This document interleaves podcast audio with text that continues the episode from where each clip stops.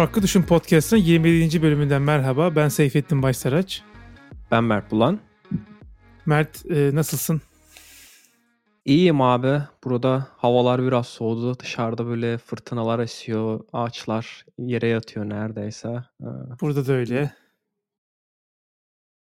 Baya uçuyordum ben geçen yolda yürürken. ya ben işte açıkçası dışarı çıkmaya şey yapıyorum. Ee, korkuyorum demeyeyim de yani hani üşeniyorum bu havada dışarı çıkmaya.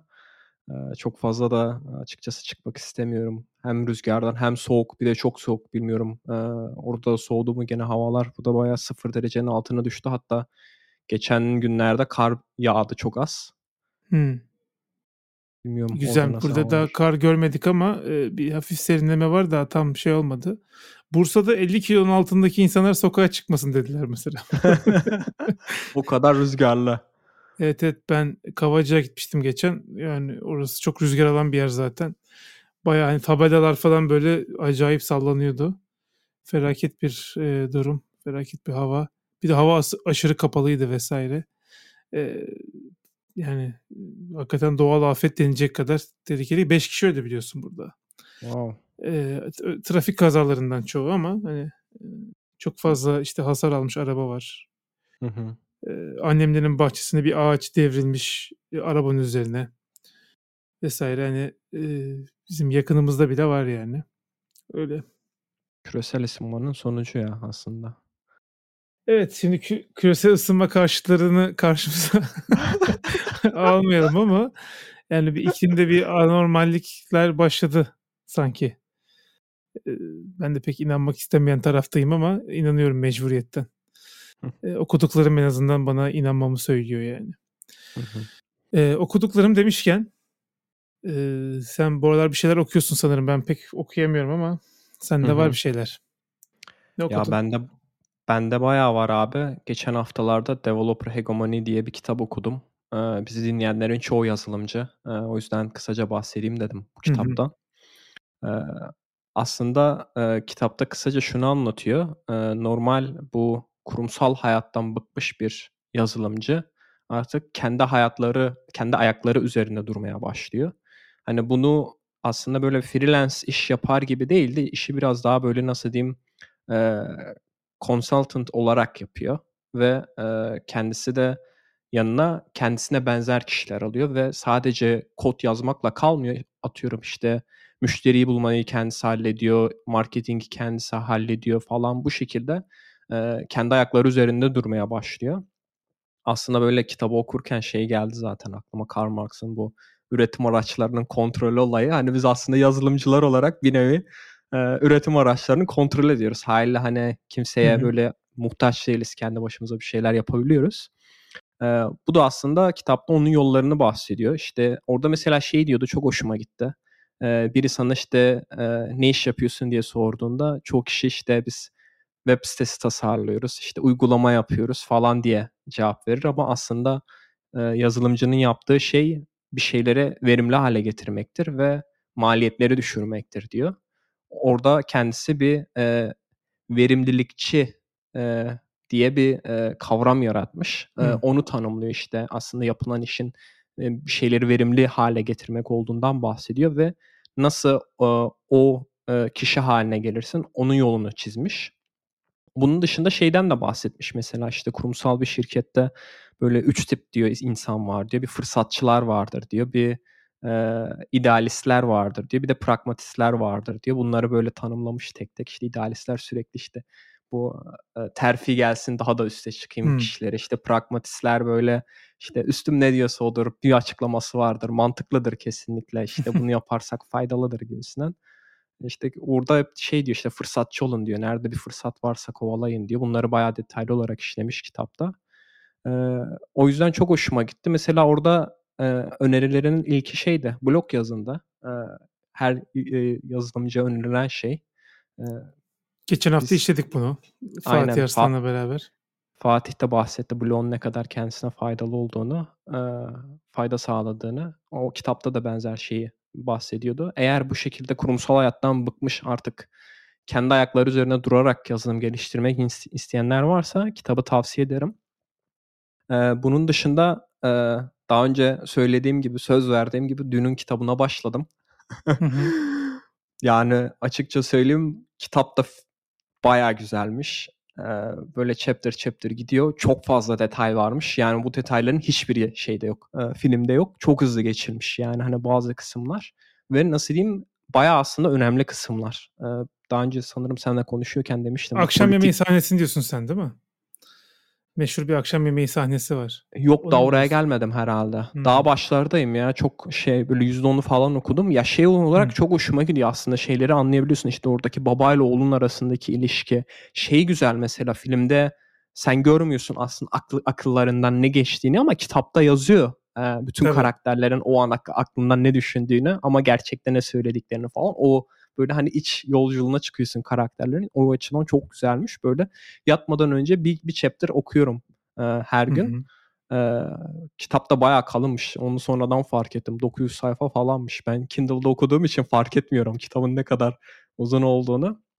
O yüzden hani filmi sevenler varsa ben kesinlikle tavsiye ederim. Kitaba başlasınlar zaten.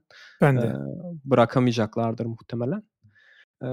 Bunun dışında abi işte şeye Teknopoli'ye devam ediyorum. Onu çok fazla ilerlemedim. Onu seninle birlikte devam edelim diye şey yaptım. Biz bir bölümde çünkü birkaç kısım var. Ben birkaç chapter daha okudum. İşte bilginin kontrolü diye bunu dedim aslında biz başka bir bölümde kesinlikle böyle detaylı olarak inceleriz. Orada işte mesela medikal teknolojideki gelişmelerin, doktorların e, işini yapmasında nasıl etkiledi diye bir kısım vardı. O da çok aslında konuşulması, detaylı konuşulması gereken bir konu. Bir de son olarak e, bu biliyorsun ben e, Stoizm hakkında çok fazla okuma yapıyorum. Stoizm felsefesi hakkında. E, yeni bir kitaba başladım. Bu e, kitapta şey diye geçiyor işte A Guide to the Good Life e, diye. E, rehber, e, iyi bir yaşama e, rehber diye. Orada biraz Stoizmin tarihinden bahsediyor ve Stoizmi e, açıklıyor. E, böyle nasıl diyeyim iç kendi içinde böyle e, çeşitli sorunlar yaşayan herkes yaşıyordur muhtemelen.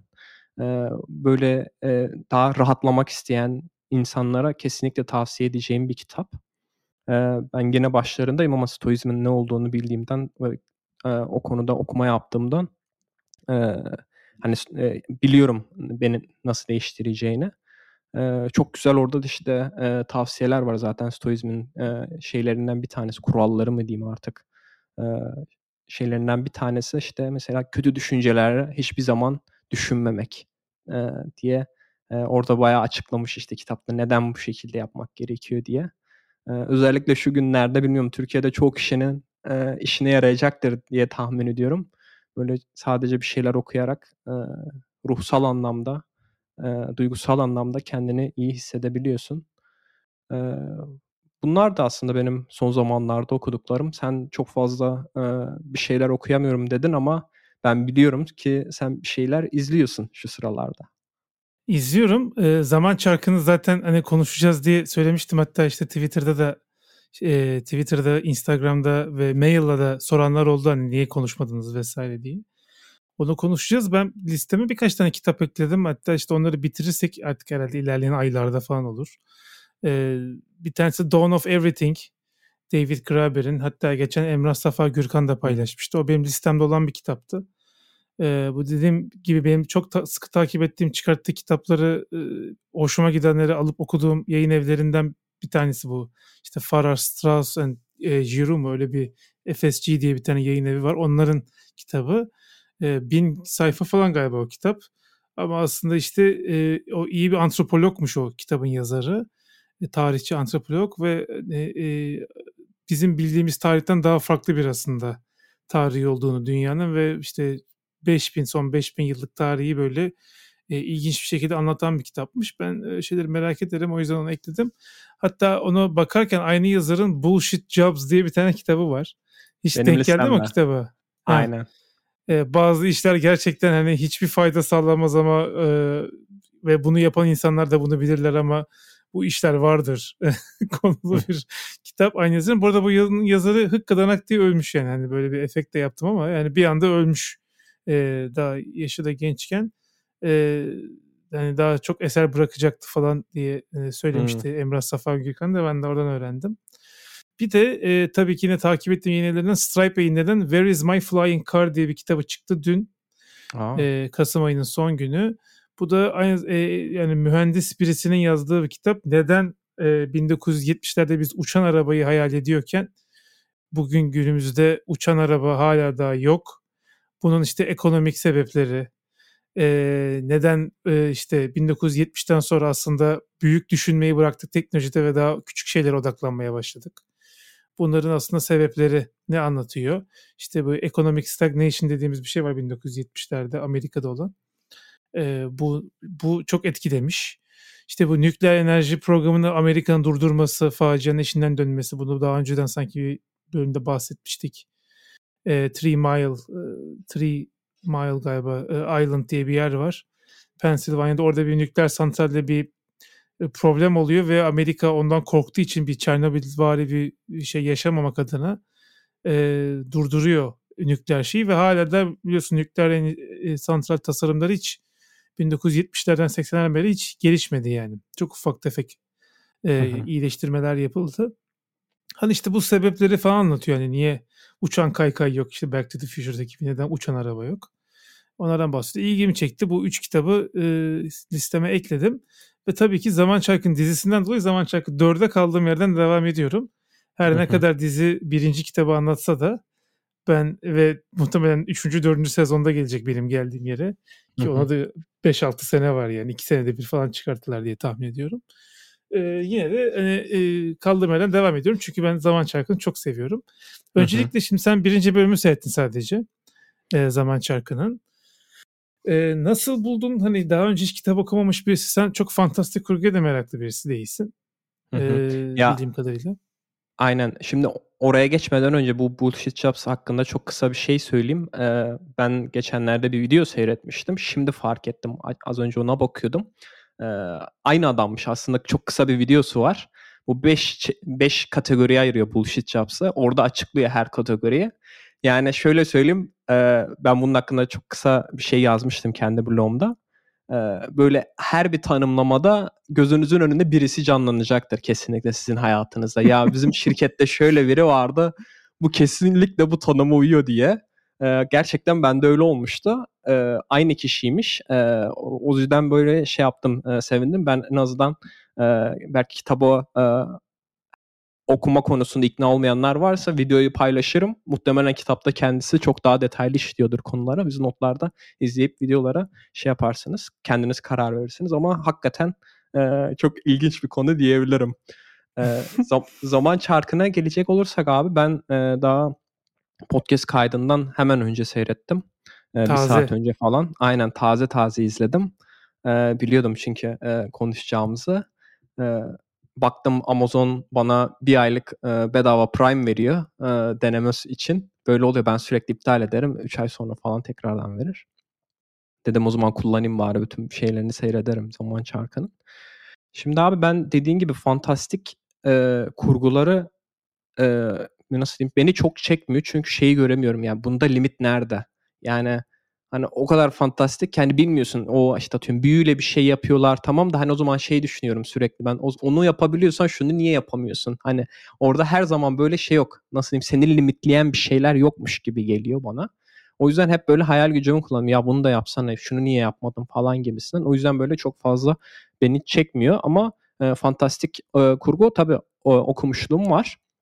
E, dizide abi yani başlangıç aslında bayağı durgun geçiyordu ilk bölümde. Ee, ya dedim bu muymuş falan. Sonlarda bir aksiyon olmaya başladı. Ee, orada biraz anladım artık hani dizi ne hakkında ya da işte nereye gidebilir, e, ne tarz şeyler görü göreceğim e, ilerleyen bölümlerde. E, o konuda bana fikir verdi. Ama şunu söyleyeyim yani başlangıçta hala e, ben e, çok fazla olay ne şeyini anlayamadım. Yani hani spoiler vermeden konuşacağız zaten bu bölümde. Evet ben de vermeyeceğim ee, bu sefer. Hani ama şeyin hikayesi belli yani hani kitabın hikayesi belli, dizinin hikayesi belli zaten arattığında hani 3-4 satır sana açıklıyorlar ama benim anladığım böyle birisini arıyoruz. Ee, yani bir kişi var bir kişiyi arıyoruz. Sen muhtemelen şimdi sözü sana bıraktığımda açık belki anlatırsın bize hikayesini daha detaylı olarak. Onun dışında henüz ben daha şeyi algılayamadım ilk bölümde. Ama şeyi de vermedi bana biraz. ikinci bölümü izlemem gerekiyor şeyini vermedi ama e, ben sırf senin hatırına belki konuşmaya devam ederiz diye şey yapacağım. izlemeye devam edeceğim. Belki e, sen bahsedersin ilerleyen bölümlerde e, daha e, farklı yerlere gidiyordur diye. Benim tek e, dikkatimi çeken şey görüntü kalitesiydi. Ben işte 4K televizyonda seyrediyorum. E, yani karanlık sahnelerde e, nasıl diyeyim çok acayip görüntüler gördüm. Böyle yani e, çözünürlük aşırı düşük geldi. Bilmiyorum benim televizyonla mı ilgili ya da işte internet hızımla mı ilgili sanmam ama işte Apple TV'de seyrediyorum. Orada da bir şey alacağını sanmıyorum. Sadece karanlık sahneler bana biraz garip geldi. Ee, onun dışında görsel efektler çok eleştirilmişti. Yanlış hatırlamıyorsam dizi hakkında. Evet. Orada da biraz şeyi fark ediyorsun ya böyle nasıl diyeyim uzak çekimler yapıyor. İşte atıyorum bir vadiyi falan göstertiyorlar. Hani ba- bariz bağırıyor yani bu CGI CGI diye e, bazı yerlerde. O biraz yani hani çok e, gözüme battı. E, ama Mekanlar CGI yani, değilmiş dizide onu söyleyeyim. Öyle mi? Ya, Hiçbir mekan CGI değilmiş. O, aa, belki çok fazla şey kullanıyorlar gibi geldi abi bana ya böyle sis falan var böyle sürekli bir karanlık hmm. ya da ışıklar falan böyle e, çok kullanımı garip geldi bana yani. E, bilmiyorum. E, şey değilse CGI değilse mekanlar o zaman hakikaten güzel mekanlar seçmişlerdi. Bilmiyorum sen belki biliyorsundur hangi ülkelerde çektiklerini ama genel anlamda benim düşüncelerim bunlar. Ee, bilmiyorum sen biraz daha e, detay verirsin hem hikayesiyle hem de mekanları ya da e, ilk, e, kalitesi konusunda. Ben detay verirsem bölümü kapatırız. Az verirsin abi da detayı. Evet, şimdi e, OLED e, ekranlar için e, yapıldığı söyleniyor dizinin. OLED ekranlarda hmm. çok farklı gözüküyormuş diğer ekran. Benimki de OLED değil bu arada. Benimki de değil. Şimdi Şimdi ben bir kere çok mutluyum çünkü Zaman Çarkı benim te, o 8-10 sene önce ilk kitabını okuduğum bir seri. Sonra araya iş, güç, hayat vesaire girdi. İkinci kitaptan sonrasını devam edememiştim. Sonra askere gidince sıfırdan bir daha başladım birinci kitaptan. Wow. Ee, askerde birinci kitabını okudum işte. Bedelli olunca işte o kadar günde ancak birinci kitabı bitirebiliyorsun. 900 sayfa bu arada kitap. Bunun anlatmamın sebebi var ona geleceğim. Ama tabii ki de insanın bu kadar çok sevdiği bir eserin e, diziye dönüşmesi çok mutlu ediyor. Niye? Çünkü bir sürü insan aslında tanışıyor bu eserle. Hı. En azından bu karakterler kimdir, nedir? E, benim bu arada bir arkadaş grubum var zaman çarkını okuyan, okumuş. E, bizim onlarla kendi aramızda da muhabbetimiz oluyor yani hani zaman çarkı üzerine. Şimdi e, öncelikle biraz kitaptan bir bahsedeyim yani Zaman Çarkı okuması çok zor bir seri. Çünkü 14 kitap. Hatta sıfırıncı kitabı prologu da sayarsan 15 kitap ve kitaplar ortalama 900 sayfa falan. Ee, ya bugün günümüzde insanların 200 sayfalık bir romanı bile 3 ayda bitirdiğini göz önünde bulundurursak 15 kitaplık böyle kocaman tuğla gibi kitapları bitirmek gerçekten ciddi bir adanmışlık istiyor. Ee, tabii seri bu adanmışlığı sağlıyor mu? Yani bence sağlıyor. En azından ilk 4-5 kitap çok iyi başlıyor. Çok hızlı gidiyor. Pacing'i de çok iyi. Sonra biraz işte de slog dedikleri bir kısım var. 7-8-9 e, ya da 8-9-10 galiba. E, daha sonra tekrardan hani son 4-5 kitap tekrar e, eski şeyine tonuna kavuşuyor seri. E, tabii işte kitabını okuyacağım dizisini seyrederim diyenler için şu an diziden başka bir alternatif yok.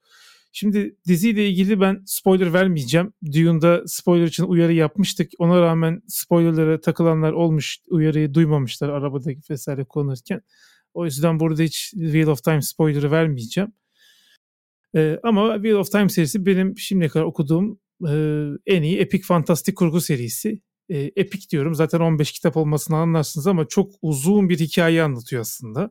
Biz sadece şu an bu hikayenin başını e, seyrediyoruz dizide. 8 sezon planlanmış dizi o yüzden daha çok şey olacak dizide. E, fakat birinci sezon yaklaşık olarak takriben birinci kitap ve ikinci kitaptan da birazcık bir şeyler alarak anlatacak. Şimdi sen az önce Dune'da bir şey söyledin. Dedin ki karakterlerin ne duyduğunu okuyabiliyoruz Dune'da ama filmde onları bize aktaramıyorlar dedin. Hı hı. Şimdi Wheel of Time'ın anlatımı da gerekli karakterlerin kendi iç düşüncelerini çok fazla yansıtan, tasvirlerin falan çok fazla olduğu bir kitap. Ee, ve sen yaklaşık 850 sayfada anlatılan bir hikayeyi 8 bölümde bitirmeye çalışıyorsun ki e, işte burada ne oluyor? Birazcık aslında o build up dediğimiz şeylerin olmaması e, gerçekleşiyor. E, yani e, ilk bölümü şimdi düşünüyorum sen ilk bölümü seyrettiğin için yani olan olaylara baktığın zaman mesela işte ne bileyim karakterlerin şehirden ayrılma motivasyonu çok hani dandik bir motivasyon gibi geliyor dizide ama kitapta mesela 150 sayfa onları e, iknası sürüyor yani öyle diyeyim. Hı hı. Ee, hani bu tarz şeyleri atlamışlar. Tabii ben bunu anlıyorum bu arada. Hani ya kitap gibi olmamış falan diyen birisi değilim. Bu adaptasyon zaten. Adaptation dediğiniz şeyde böyle birebir aynısı olması çok zor. Ee, e, ve yani alınan kararlar da mesela seyrederken anlıyorum. Bazı şey mesela ikinci kitapta falan ortaya çıkan şeyler bu sezonda oldu. İkinci kitaptaki büyük spoiler diyebileceğim şeyler birinci sezonun üçüncü, dördüncü bölümünde mesela verdiler yani o ipuçlarını. Ee, bunu da anlıyorum çünkü şimdi e, eski seyirciyle şimdiki seyirci arasında çok ciddi bir e, algı farkı var, hız farkı var. Şimdi e, şu an mesela piyasada seyredilebilecek kaliteli onlarca dizi var. Ve insanlar kendi zamanlarını bu dizilere bir şekilde ayırıyorlar. E, hangi diziye ayıracağı önemli. Yoksa bütün platformlara üye insanlar. Netflix'inden, Prime'ından vesaire. O yüzden de bu dizilerin en büyük kaygısı şu. ilk bölümde, ikinci bölümde ben seyirciyi ikna edebilir miyim bunun devamını seyretmeye? Çünkü ilk bölüm sarmazsa seyredebileceği bir sürü dizi var yani dediğim gibi. Hı hı. O yüzden de biraz mesela aslında ilk kitabın başında baya yavaş ilerleyen ve aslında karakter building yaptığı kısımları böyle bir buçuk dakikada falan geçmişler yani. Aslında orada şey yapıyorsun. Onu dizinin devamına yaymışlar. Bu yanlış bir şey değil. Ee, ama tabii onlardan dolayı da bazı şeyler mesela çok hızlı akıyor gibi olmuş. O ne ya bu ne? Bir de çok fazla konsept var Wheel of Time'da. Ee, işte Trolllock'lar var, Dark One var. Yani ilk bölüm için şey yapıyorum. Spoiler değil bunlar pek. İşte bir sürü zaten ana karakter var. Toplu bir şekilde gidiyorlar. Ve e, yani bunu bence olabildiğince dizi olarak iyi anlatmışlar ama böyle mükemmel bir dizi. Mesela Game of Thrones da çok kıyaslanıyor. Hı hı. Ben Game of Thrones'un kitabını da okudum, dizisini de seyrettim.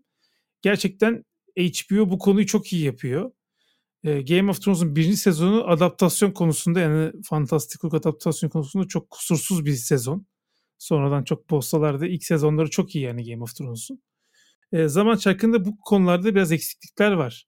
CGI konusunda yani e, bizim dizi çekilirken dizinin çekileceği haberini aldığımızda en büyük kaygımız ya bu kitapta çok fazla büyü var, çok fazla efekt var. İşte rüyalar alemi var. Rüyalarda çok fantastik şeyler oluyor. Ee, ya bunları nasıl bütçe ayıracaklar? Yani tamam Amazon çok zengin bir firma biliyoruz ama Amazon'un da bunu ayıracağı bütçe belli. Ee, ki bölüm başına 10 milyon dolar harcamışlar. Yani çok wow. ciddi bir rakam ki Game of Thrones'da 6-7 milyon dolar falandı. Ee, ki enflasyonu falan katarsan hemen hemen aynı şeye geliyor. Neyse. Ee, ciddi para harcamışlar ve 300 bin square feet'lik bir stüdyo inşa etmişler. İşte o belli başlı sahneleri çekebilmek için.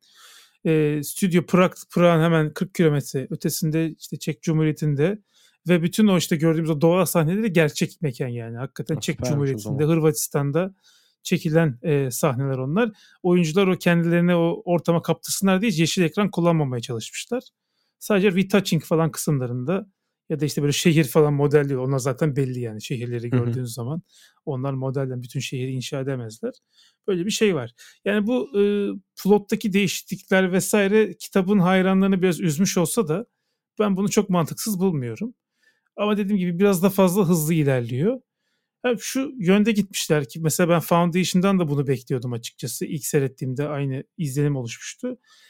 Ee, ilk üç bölümde biz insanlara konseptleri anlatalım hızlı bir şekilde. Dördüncü bölümden itibaren artık bakın bunlar bunlar vardı biliyorsunuz. Dördüncü bölümden itibaren artık hikayemizi anlatmaya başlayalım e, demeye çalışmışlar gibiydi. Hakikaten de dördüncü bölümde bayağı bir hani e, artık karakterlerin detayına girmeye başladılar. E, zor yani hakikaten. 2100 tane adı konulan karakter var Zaman Çarkı serisinde. E, yani figüranları falan saymıyorum. 2100 tane ismi olan karakter var casting ajansına falan şeyine e, casting menajerine falan Allah kolaylık versin. Yani çok zor bir iş. E, ben, ben seyredilmesini tavsiye ediyorum. İkinci sezon da şu an çekiliyor. Üçüncü sezon da onaylandı bu arada. Demek ki bayağı iyi seyredilmiş dizi. e, bu şekilde devam ediyor. Benim yani şu an puanım Onun üzerinden 8 ile başlamıştım. 7'ye düşürmüştüm. Şimdi tekrardan 8-8.5 civarında geziyor.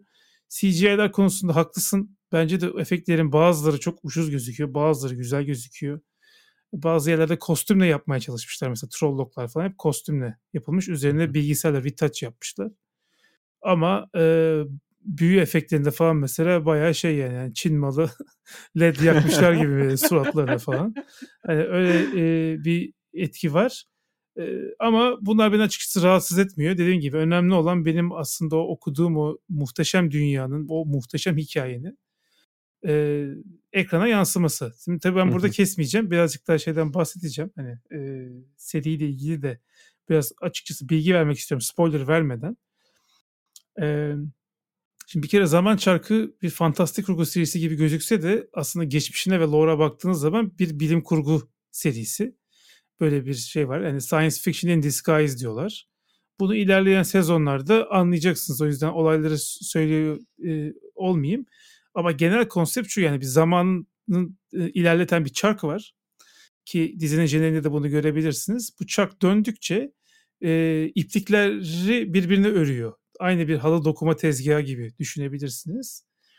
Ve aslında bu iplikler insanların kaderleri. Yani iki ipliği birbirine ördüğü zaman mesela sen o insanla aslında evleniyorsun. işte ne bileyim iş kuruyorsun. Neyse o kader kesişmesi dediğimiz şey var ya. O olay oluyor ve bu uçak e, her döndüğünde bir çağ bitiyor, yeni bir çağ başlıyor. Toplamda da 7 tane çağ var. Bu 7 çağ bittikten sonra bir daha baştan başlıyor. O yüzden de bir e, şey var. E, döngü halinde yani her şey. E, dizide bunları bu arada hani bu konseptleri de 4. bölümden itibaren anlatıyor. Yani mesela ölen birisi 300 sene sonra 400 sene sonra aslında aynı ruhla tekrardan dünyaya geliyor. Ki dizinin konusu işte aradıkları Dragon Reborn, Dragon diye bir karakterin yeniden doğmuş halini arıyorlar. Ee, bu da fragmanlarda söylendiği için rahatlıkla söyleyebiliyorum yani. Ee, böyle bir konsept var. Ve tabii şeytan var. Bu ismi şeytan bu arada e, kitapta. Direkt Arapçadan almış. E, Dark One diye geçiyor. Karanlık kişi diye geçiyor işte o trollokların e, ord, ordusunun sahibi olan varlık. E, bu da sürekli yani dünyayı yok etmeye, insanlığı bitirmeye uğraşıyor ve bu hiçbir zaman bitmeyecek yani. Sonsuza kadar süren bir never ending bir battle bu. Ama işte bir noktada şeytanı işte şey yapıyorlar, e, baskılıyorlar ve e, insanlık huzura kavuşuyor. Eğer baskılayamazlarsa kaos vesaire oluyor. Böyle dünya sürekli dönüyor. E, neden science fiction diyorum? Çünkü 7 tane çağ olduğu için aslında geçmiş yani şu an bizim dizi seyrettiğimiz çağdan önceki çağlarda bizim bugünkü şu an günümüzdeki dünyanın çok daha gelişmişini düşün. Teknolojinin ve e, büyünün aslında bir arada olduğu bir dünya, bir ütopya düşün. Hmm. Öyle bir dünya yıkılıyor. Neden yıkıldığını dizi anlatıyor, anlatacak. Siz seyredersiniz, göreceksiniz. Yıkıldıktan sonra insanlık böyle birkaç yüz sene geriye gidiyor. Ama aslında mesela insanların duruşu, konuşması vesaire hiç böyle ortaçağ köylüsü gibi değil. Fark etmişsindir zaten. Çünkü yani insanlık belli bir knowledge'a gelmiş ama bütün her şeyi tekrardan kaybetmiş. O knowledge'ın kalan kısımlarından devam ediyorlar. Yani böyle bir şey var, yapı var. Ee, aslında biraz da science fiction var yani işin içerisinde. İşte büyüyü de science fiction'da açıklayan şeyler var ama o taraflara çok girmeyeceğim. Ben de çünkü çok bilmiyorum. O teorileri çok okumadım. Ama e, özellikle karakter ark olarak mesela Breaking Bad'i örnek veriyoruz ya işte Walter White'ın masumane bir karakterden şeytani bir karakteri evrilmesini seyrettik ya 5 sezon. İşte aslında kitaplar da böyle yani bu ana karakterleri yani e, ilk bölümde gördüğümüz o bütün ana karakterler 14 kitap boyunca e, gelişmelerini görüyoruz. Hepsi farklı insanları evriliyorlar. Kendi sahip oldukları yeteneklerden ve başına gelenlerden sonra o yüzden karakter ark olarak mesela yani dünyanın en iyi eserlerinden bir tanesidir. E, çok tutarlıdır, çok mantıklıdır karakterlerin tepkileri vesaire. Biraz uzun anlatım farkındayım ama e, Zaman Çarkı'nı o yüzden e, kitabı da tavsiye ediyorum. Dizisi de şu an fena gitmiyor. Ama ileride 5. 6. bölüm çıktığında daha bozarsa yine podcast'te yorum yaparız. Hı hı. Ya ben açıkçası mesela ilk bölümü izleyince bana o kadar ilgi çekici gelmemişti. Ama bu şeyi sanki biraz görmüştüm gibi. Çünkü Neyse çok oraya detayına girmeyeyim de şey diyecektim aslında. Sen anlatınca mesela bu bilgileri verince biraz daha bana ilgi çekici geldi şu anda. Hani ben şimdi dedim yani ikinci bölümü izlerim ben. Eee, ondan sonra bakarım özellikle, eee, bu yani zaman çarkı konseptlerini bahsetmem yani fikir olarak ilginç bir fikir. Eee, o kendinin orada bir loop'ta olması. O yüzden, muhtemelen izlerim diye düşünüyorum. Sen şimdi Breaking Bad'den bahsettin. Ben hatırlıyorum, eee, Enes, benim arkadaşım, yakın arkadaşım. Onunla birlikte seyrediyorduk. Biz, yani bir insan bu kadar kahrolabilir mi dizi seyrederken? Yani o duyguyu sana öyle bir yaşatıyor ki, öyle bir dizi. Eee, izlemeyenler varsa kesin seyretsin. O şu şu yüzden bahsediyorum. Eee, Apple TV Plus'ta The Shrink Next Door diye bir dizi var. Biz Hımm. daha önce kısaca bahsetmiştik. Orada da aslında, eee, nasıl diyeyim, ben benzer duyguları seyri hissediyorum Breaking Bad'deki gibi. Başkası Hı hı. adına kahrolmak. Yani bir şeyler oluyor dizide ve sen orada ana karakter için kahroluyorsun. Böyle yaşananlar için işte Breaking Bad'de o, eee, eee, kayınçosu muydu, eee, Hı hı. polis olan? Eee, o o onu yerine koyuyorsun kendini ve kahroluyorsun yani. Hakikaten yani izlerken diziyi kendini içinde O yüzden zaten diziyi efsanevi dizi yapıyor. Evet. işte Shrink Next Door'da da ben benzer şeyleri hissetmeye başladım. Yani birkaç bölüm sonra hakikaten, eee, orada bir, eee, çok, eee, mütevazi, eee, eee, Naif bir masum bir, karakter. naif bir karakter var.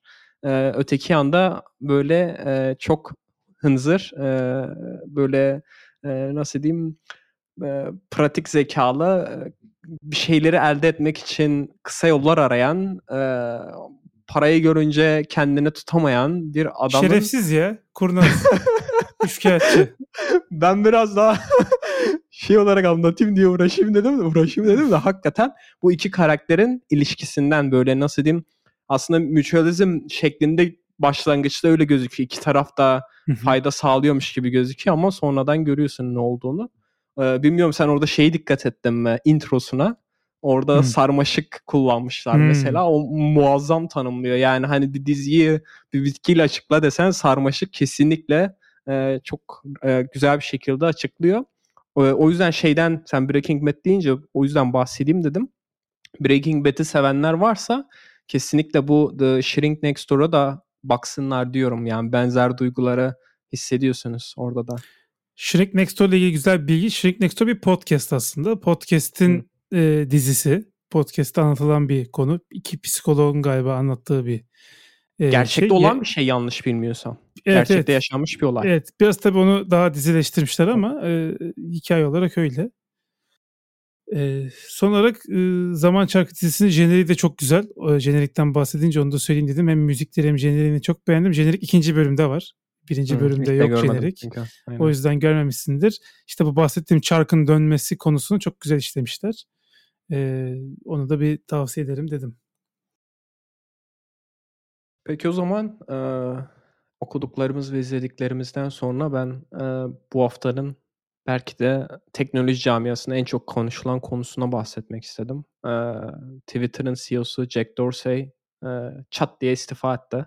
Eee, aslında beklentiler varmış. Eee, şimdi şunu şunu şundan bahsetmek gerekiyor. Bu Twitter aslında nasıl diyeyim, Facebook'la benzer zamanlarda ortaya çıkmış bir, eee, sosyal platform. Yanlış hatırlamıyorsam. Evet. Ve insanlar hep böyle karşılaştırıyordu ya Facebook mu Twitter mı diye. Eee, şu anda gelinen noktaya baktığımızda mesela Twitter aslında, eee, popülarite olarak sanki daha, eee, yaygınmış gibi gözüküyor. Çünkü işte siyasiler kullanıyor, ünlüler kullanıyor. Eee, yani atıyorum vali açıklamayı Twitter'dan yapıyor.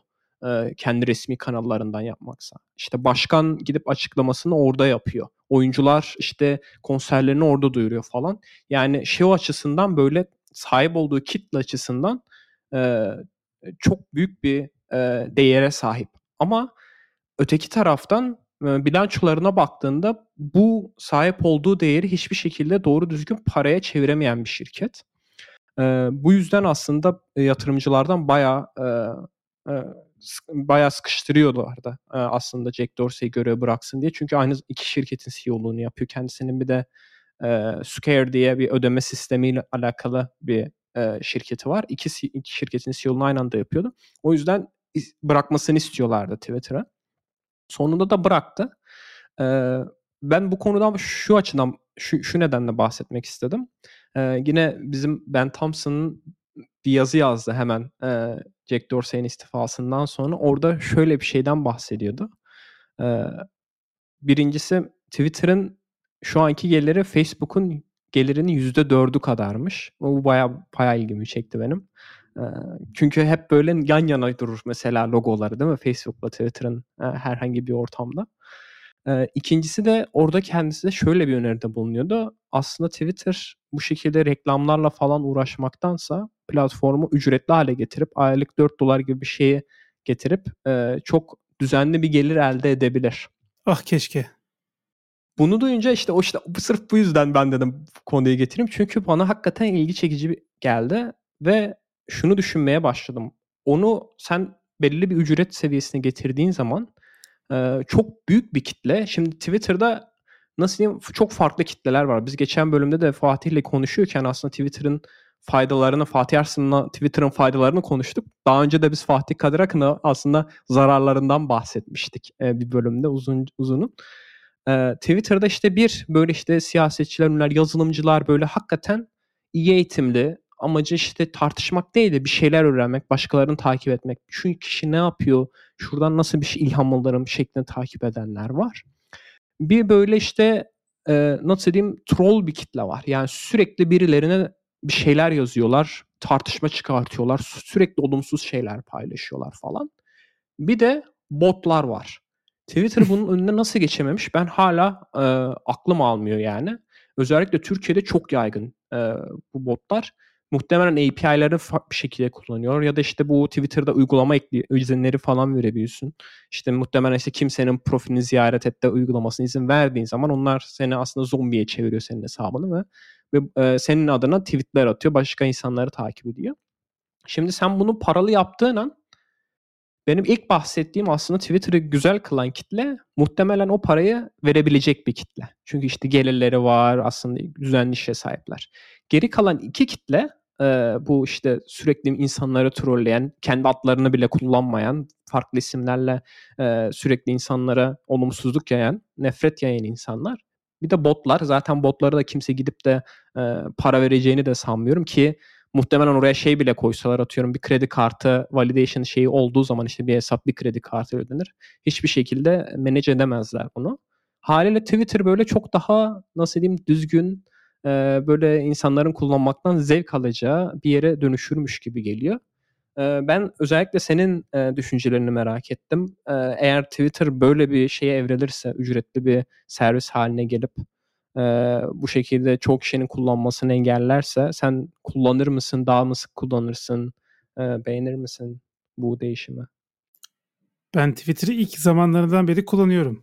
2009 falan. 2008-2009. O zamanlar çok e, öyle zırt pırt Twitter'da takılmıyorduk. Düşüncelerimiz yazıyorduk. E, çok önemli bir düşüncelerimiz değildi ama en azından mesela bir konu hakkında soru sorduğumuzda düzgün insanlardan cevap alıyorduk. Ya ben bu ödeme konusunu destekliyorum. Türkiye'de bir şey işte TC kimliğine bağlasın. Abi öyle bir şey olabilir mi yani? TC kimliğini nasıl bağlasın hesabı? Ama ücret dediğin şey yani şöyle tweet atmak için ücretli hesaba ihtiyaç olmalı ama okumak için bence olmamalı. Çünkü bu sefer de kitlenin çok büyük bir kısmını kaybetme söz konusu var. Ee, bir de Twitter yine birisi Twitter yapar. Çin'de birisi işte e, aynı Vine, TikTok gibi e, imitasyonu yapıp bedava yapıp herkesi oraya taşıyabilir. Ama bence e, yani Twitter'ın ücretli olması, tweet atmanın ücretli olması işte bu bizim bugün Twitter'da sorun olarak gördüğümüz her, her şeyin bir nebze büyük oranda hatta bir nebze demeyeyim büyük oranda uzaklaşması e, random rakamlı accountlar, her şeyin altına yazan insanlar, sürekli siyasi kavga çıkartan e, insanlar, ondan sonra hani botları zaten hani eliyorum baştan. E, yani e, bizim bugün Twitter'da uzaklaşmak istememizi isteyen birçok şeyin ortası. Ben bu konuyu bayağı düşündüm o yüzden bunları söylüyorum bu arada. E, hatta işte arkadaş arasında esprisine şey dedim hani Cumhurbaşkanı olsam Twitter'a vergi getiririm. Yani Twitter'a girdiği gibi şey API'ye call yaptığı gibi Twitter'ın 30 30 lira çat diye şeyini operatörden yansıtırım falan böyle gibisinden esprilerimiz vardı. Çünkü Uganda'da da yapmışlar. WhatsApp vergisi hmm. varmış Uganda'da. Aynen WhatsApp e, boş iş e, boş insanların kullanacağı bir şeydir. Boş işi hiç sevmem demiş Uganda Devlet Başkanı ve WhatsApp'e vergi koymuş. Ee, onu burada altyapısını falan helal olsun iyi yapmışlardır yani inşallah diye düşünüyorum. Ee, işte promosyon falan vermemeleri lazım. Bak bunları böyle düşündüm mesela şimdi. GSM operatörü diyecek ki paketine dahil Twitter üyeliği falan öyle bir şey yok. Hmm. Gideceksin kredi kartını vereceksin Twitter'a öyle olacaksın falan. Promosyonun önünü kapatmaları lazım. O şekilde bence de bayağı bir toparlar. Birçok insan da bırakır bu arada Twitter onu söyleyeyim. Diğer platformlara Hı-hı. gider. E, gitsinler. Çok da önemli değil yani.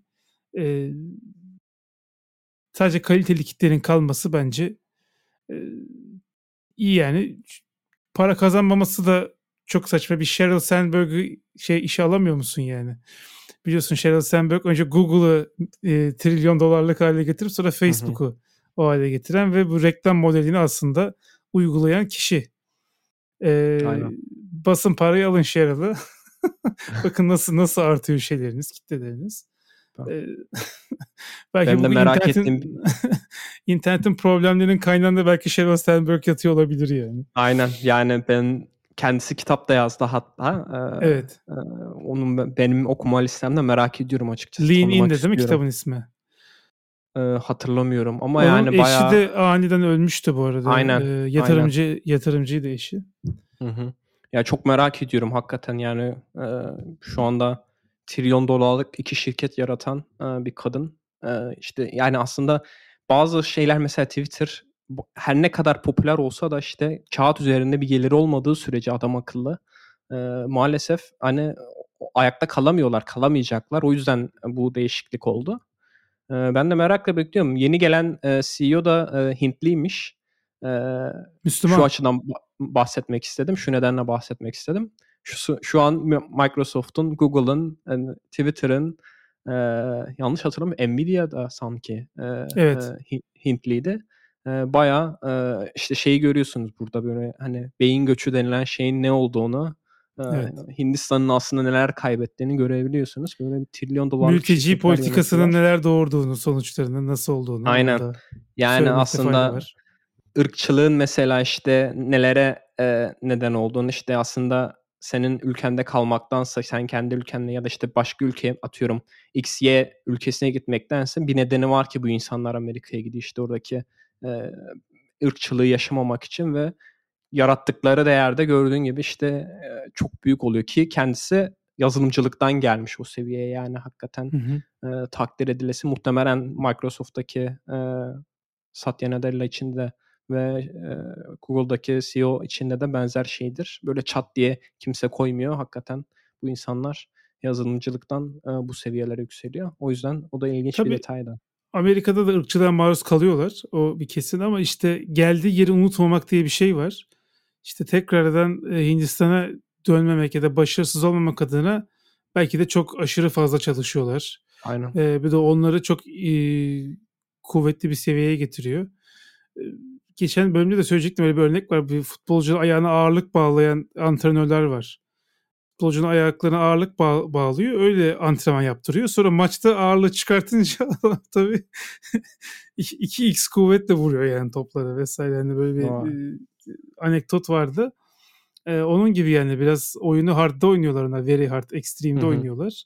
Öyle olduğu zaman da işte başardığında, bitirdiğinde oyunu CEO olduğunda çok başarılı CEO'lar çıkıyor. Google Google'ın CEO'su için söylemiyorum bunu ama Microsoft'un CEO'su çok iyi. Microsoft'un CEO'su gerçekten çok başarılı. Aslında Şimdi sen çok güzel bir konuya... bana. Yine başlıyor.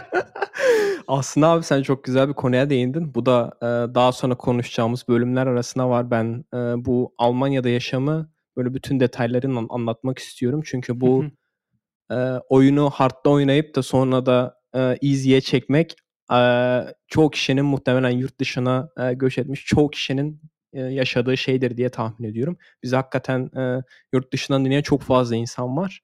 Onlar ben sizi anlıyorum diyorlardır. Şimdi kafa sallıyordur muhtemelen dinlerken. Hı hı. E, o bölümde hakikaten ben çoğu şeyi böyle detaylı bahsetmek istiyorum.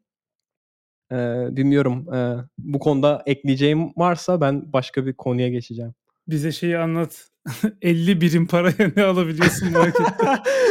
Market. Bir, birim para neyse artık. Ya ben şunu söyleyeyim abi ben e, 3 yıldır, 3 yıldan fazladır Hamburg'da yaş Almanya'da yaşıyorum. Hayatımda e, 50 euroluk bir şey almadım marketten. E, bunu kısaca değinip. Yo Twitter'da ha. şey var ya işte 50 birim paraya Alman ha. şu kadar şey alıyor. Biz işte 50 birim paraya sütle yoğurt alıyoruz ama işte birim para diye bir şey yok yani. Çalışmıyor iş. Kesinlikle. Yok ama ben de şeyden bahsedeyim dedim. Yani ben ben onları izlerken ben de şaşırıyorum bu Almanya'daki. Yani 50 euroya ne alabiliyorlar hakikaten e, ben harcayamıyorum gerçekten de. Abi ben o listeleri görüyorum. Genellikle böyle 6 kilo et falan oluyor. Sen vejetaryen olduğun için sen çok harcamıyorsundur. Olabilir. Adam kuzu budu falan almış yani 50 euroya alırsın tabii kuzu budunu. Çok işte abi oradaki mantalite aslında da şey şimdi çok da uzatmayayım da e, hani Türkiye'de yaşanmışlığı ya da işte yapamam, yapamam, yapam, yapamadıkları şeyleri gelip burada abartarak yapma hani hmm. e, şeyi oluyor onlarda genelde çoğu insanda. Ama çok şükür ben hiç e, hayatımda 50 euro harcamak zorunda kalmadım market alışverişinde. Bu arada yani mevcut durumla ilgili alay ettiğimiz falan anlaşılmasın. Ee, sadece birim para muhabbetine gönderme yapıyoruz. Yoksa et Türkiye'de gerçekten e, asgari ücretle çalışan birisini alabilmesi çok zor yani. Hı hı. E, gerçekten tüketim tüketimi çok zorlaşan bir e, kalem. Hani onunla alay etmiyoruz. Birim para mevzusu hesabında biraz e, alay ediyoruz. Çünkü o iş öyle çalışmıyor yani. Hı hı. Bir de abi işte bu hafta önemli bir açıklama aslında e, biz bu gizlilik mevzusunu çok fazla konuşuyoruz. E, hı hı.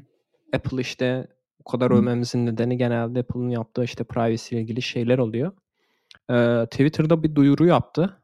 Ee, bu duyuruya göre artık e, sen bir başkasının fotoğrafını Twitter'da paylaşamayacakmışsın. Ee, Ben mesela işte seninle, senin fotoğrafın var çat diye koyuyorum. Bazıları işte gidiyor işte yolda birilerinin fotoğrafını çekiyor koyuyor caps yapıyor falan böyle. Hmm. E, meme haline getiriyorlar, paylaşıyorlar falan. Artık Twitter bunu izin vermeyecekmiş. Şikayet ettiğin an ya bu insan benim fotoğrafım beni e, izinsiz olarak kullanıyor diye e, Twitter direkt kaldıracakmış. E, ben bunu duyunca çok sevindim açıkçası. Çünkü e, benim burada Almanya'ya ilk geldiğimde duyduklarımdan bir tanesi şeydi yani birisiyle fotoğraf çektiğinde bunu çat diye sosyal medyaya koyamıyorsun. E, gidiyorsun atıyorum 5 kişilik grup fotoğrafı mı çektin? Tek tek soruyorsun. Bak ben bunu şurada paylaşacağım. izin veriyor musun? Bunu paylaşacağım okey mi? diye izin alıyorsun. İşte atıyorum şirketlerde bile mesela e, fotoğraf çekildiğinde soruyorlar. Bakın biz bu fotoğrafı işte kendi blogumuzda paylaşacağız. E, izin veriyorsanız fotoğrafa dahil olun. Yoksa e, kendi köşede durun diyorlar genelde. E, bu şekilde hakikaten insanların e, gizliliğine işte kendi e, yüzüne falan çok dikkat ediyorlar. Hatta yanlış hatırlamıyorsam e, böyle sokakta işte bu e, ne cam diyorlardı işte Rusya'da çok yaygındır genelde arabalara. Dashcam. Dashcam koyuyorlar. E, bildiğim kadarıyla o mesela kullanılmıyor Almanya'da. E, gene benzer e, nedenlerden ötürü kullanıyorsan da böyle üzerine yazan şeyleri kullanman gerekiyor. Yani hani uzun süre e, save edemiyorsun. E, Baya güzel aslında şey gizli konusunda güzel kurallar var burada. Ee, ama Twitter'ın Abi, Almanya'da doğru düzgün kaza almıyor ki. Burada saçma sapan kazalar oluyor ve suçlu buluyorsun yani. Sen hiçbir suçun yok mesela. Bana öyle sol önden 70 ile girdiler arabaya ve onda 10 ben suçlu buldum hiç alakam yok. Bir kamera olsa mesela e, ben suçsuz bulunacaktım yani. E, ara sokakta bir kere 70 ile gidiyor ve beni sollamaya çalıştı vesaire. Neyse. Ee, biraz ondan olabilir yani Almanya'da böyle şeyler. Rusya'da mesela çok kaza alıyor ki böyle bir zorunluluk zorunluluk biliyorsun Rusya'da. Aynen. Muhtemelen sigorta şirketlere şey yapmıyor. İkna Kesinlikle. olmuyorlar kolay kolay. Kesinlikle ona e, katılıyorum. Ya bu işte çekme konusuyla ilgili bugün bir tane şey e, Twitter'da bir video gördüm. E, Doğu da ya da doğu aksanlı birisi işte çekiyor. Hani biz seyrederken tabii gülüyoruz ama işte bir çift yağmurda dans ediyor. Adam da diyor işte vay ne kadar romantik falan diye böyle kendi aksanıyla e, bu gençler çok eğleniyor falan diye böyle bir şeyler söylüyor. Ama böyle köşeden hakikaten secret çekmiş yani. Hı hı. Şimdi o çift o bir birlikte olduklarını saklıyor olabilirler arkadaşlarından, ailelerinden vesaire. Şimdi bu her yere yayıldı o 40 bin like'ı var videonun falan yani. Ee, hani bu açılardan da aslında yani gizlilik derken aslında biz mahremiyetten bahsediyoruz. Privacy'nin bir anlamı da mahremiyet. Ee, o mahremiyet önemli. O yüzden bu kararı ben de destekliyorum açıkçası. E, kimse tek tek izin almayacaktır ama en azından hiç tanımadığı insanların şeylerini çekmeleri ve onların kaldırılabiliyor olması güzel bir şey. Aynen. Yani insanların aslında buna dikkat etmesi gerekiyor. Yani hani bir başkasını sen nasıl gidip bir başkasına dokunmuyorsan değil mi? O da bir mahremiyettir yani. Hani bizim Türkiye'de genelde o da biraz biz elimiz ayağımız pek e, durmaz ama burada da mesela insanlar hiç dokunmuyorlar hani birbirlerine. Atıyorum masada biri otururken sen normalde kolunu atarsın falan böyle şeyler yaparsın ya. E, burada mesela o tarz şeyler de yok. İşte o da bir mahremiyet. E, ona benzer şekilde işte bir başkasını çek, fotoğrafını çekmek de aslında bir e, mahremiyet. O yüzden ben e, faydalı buldum. Şimdi merak edenler olacaktır. Belki ya işte siyasiler var falan. O tarz insanlar işte ünlüler, siyasiler onlar e, dahil değilmiş bu gruba. Hmm. Çünkü onlar işte nasıl diyeyim halka mal olmuş insanlar. E, o yüzden e, şey olmuyorlar. Orada da Merkel'in... şey soru çıkıyor. Ünlü kim mesela? Ünlü kim ünlü belki. diyeceğiz. Aynen o da var. İşte yani Merkel'in TikTok çünkü... fenomeni ünlü mü mesela? Yoksa televizyona çıkması lazım? Gibi sorular da var. Mesela ben ünlü müyüm? Podcast'ım. Onun muhtemelen bir şeyi vardır ya. Bir herhalde limiti falan vardır. Nasıl sen Twitter'da o mavi tik alamıyorsan şey de değilsindir herhalde. Önünde de değilsindir diye hmm. tahmin ediyorum. Ha mavi tik olayı olabilir evet. Belki onunla bağdaştırabilirler. Hani çünkü ben şeyi yatıyorum. Merkel'in bayağı böyle işte e, mayolu falan fotoğrafları hani sızıyordu falan. Kimse şey yapmıyor. İşte böyle halka mal olan insanlar oldukları için. Ama işte ben faydalı buldum yani böyle gelişmeleri aslında her yerde olması gerekiyor. Ben Merkel'in mayalı kimsenin... fotoğrafını ne yapacaksın ya? Şu ya işte şey ya magazin bir de gençkendir belki bilmiyorum. Ha. Şimdiki haliyse falan. Neyse abi e, yavaştan aslında asıl konumuza geçelim istiyorsan. E, biz gene uzun uzun konuştuk ama e, bugün bu haftanın konusu e, topluluk önünde konuşma. Biz daha önce söylemiştik bu konuyu konuşacağız diye. E, aslında ben bu konuyu düşünüyorken şunu fark ettim. Çok uzun zamandır ben topluluk önünde konuşmuyorum e, fiziksel anlamda. E, o yüzden e, bu konuyu dedim ki biz iki açıdan ele alalım. E, bir fiziksel anlamda topluluk önünde konuşma, bir de ekran önünde topluluk önünde konuşma. Çünkü her iki konuda e, dikkat edilmesi gereken farklı noktaları var.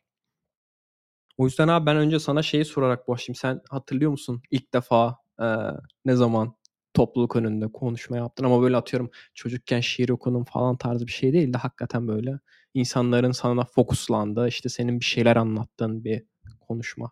Müsamereler sayılmıyorsa okuldaki. Yok.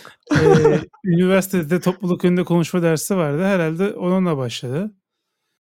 Ee, sonra işte yazılım meetuplarıyla devam etti. Yani benim o şekilde oldu ve işte meetuplara da şimdiye kadar 40 tane falan 30-40 tane yapmışımdır sunum.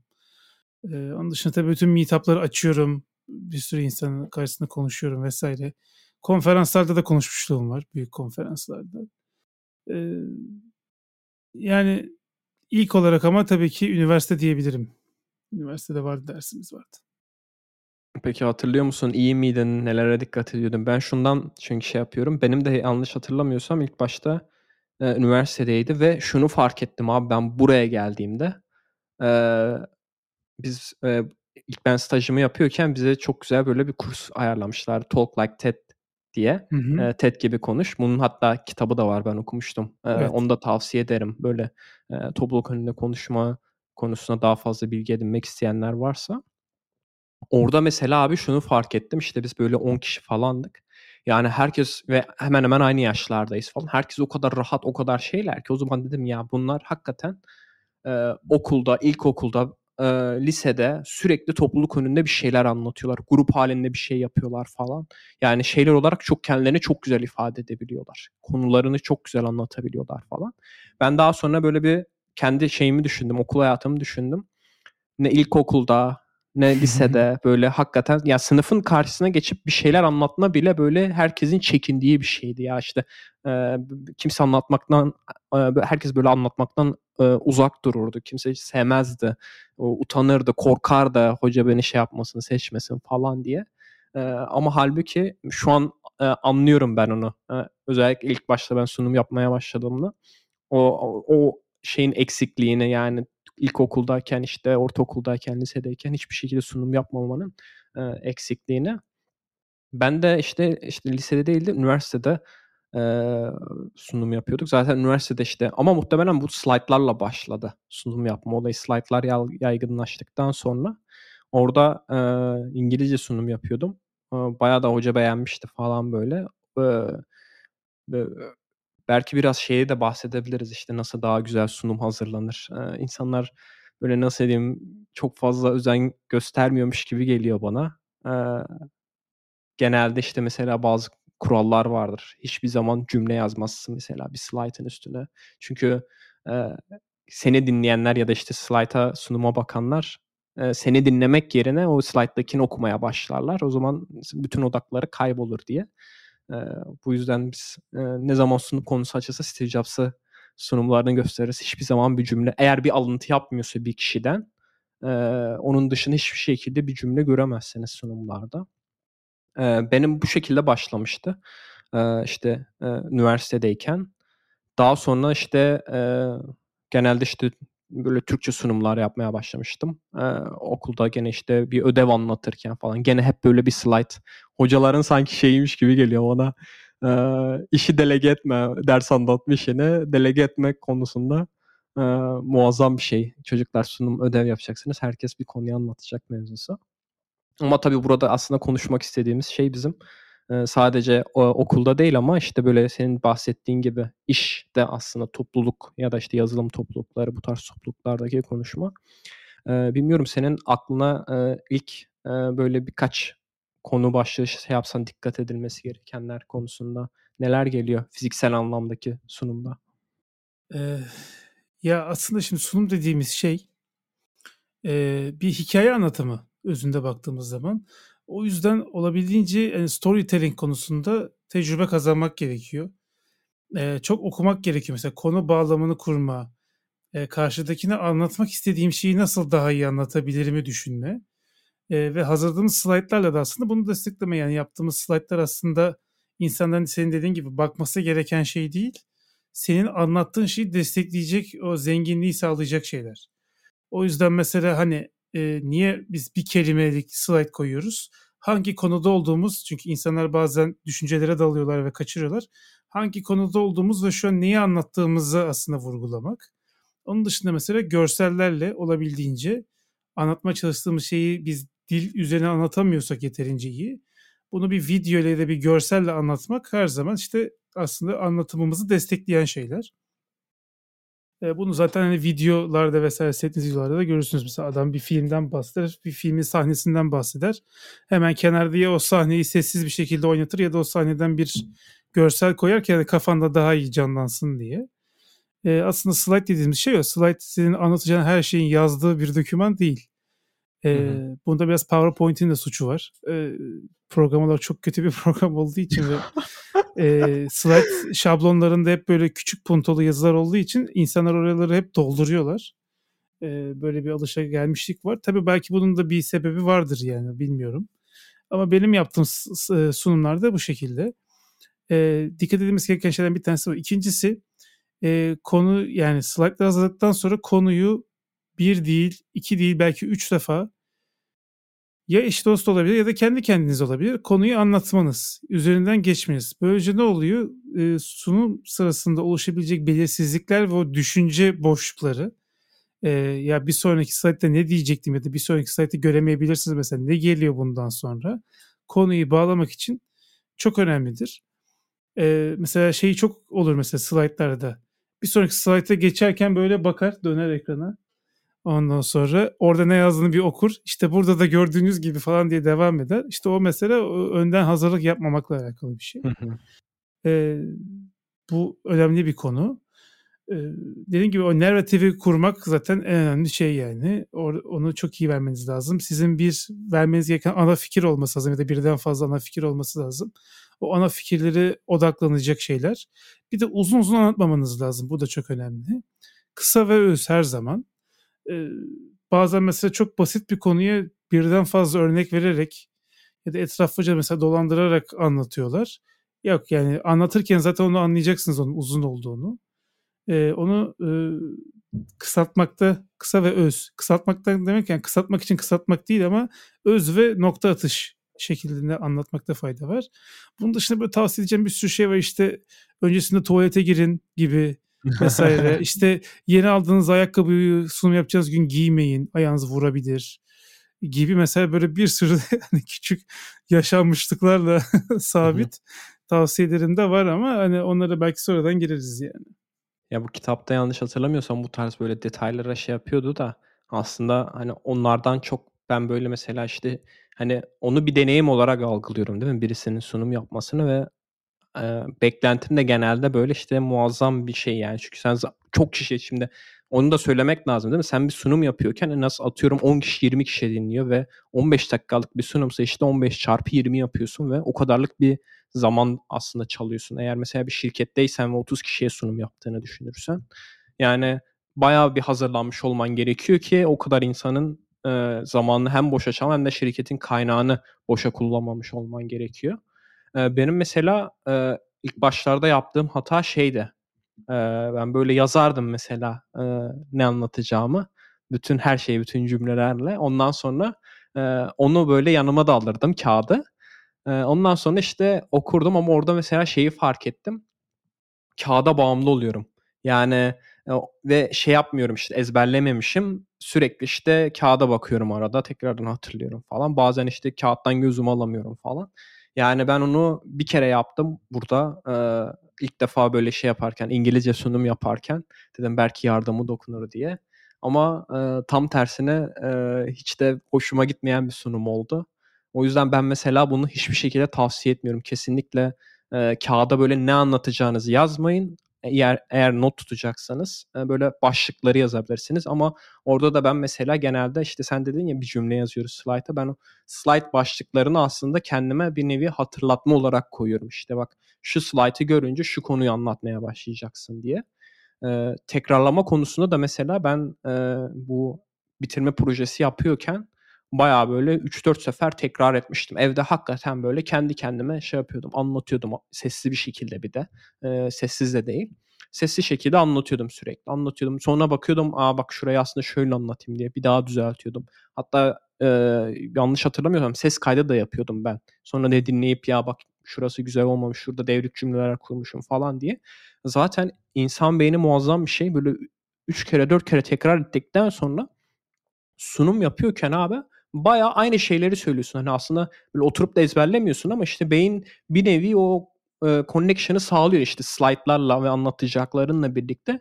Hakikaten böyle sahneye çıkıp e, anlatabiliyorsun.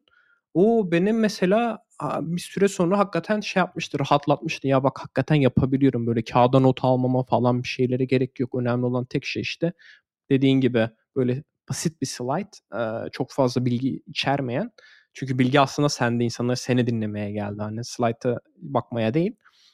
Çok basit bir slide ve e, böyle düzgün, akıcı bir sunum. Yani ben şeyi de çok fazla görüyorum. İşte insanlar düşünüyor, mesela ığlıyor anlatırken. Bazen mesela işte slide ileriye geri gidiyorlar ya bu burada mıydı bu falan diye. Yani orada çok dediğin gibi görebiliyorsun e, şey olduklarını, e, prova yapmadıklarını.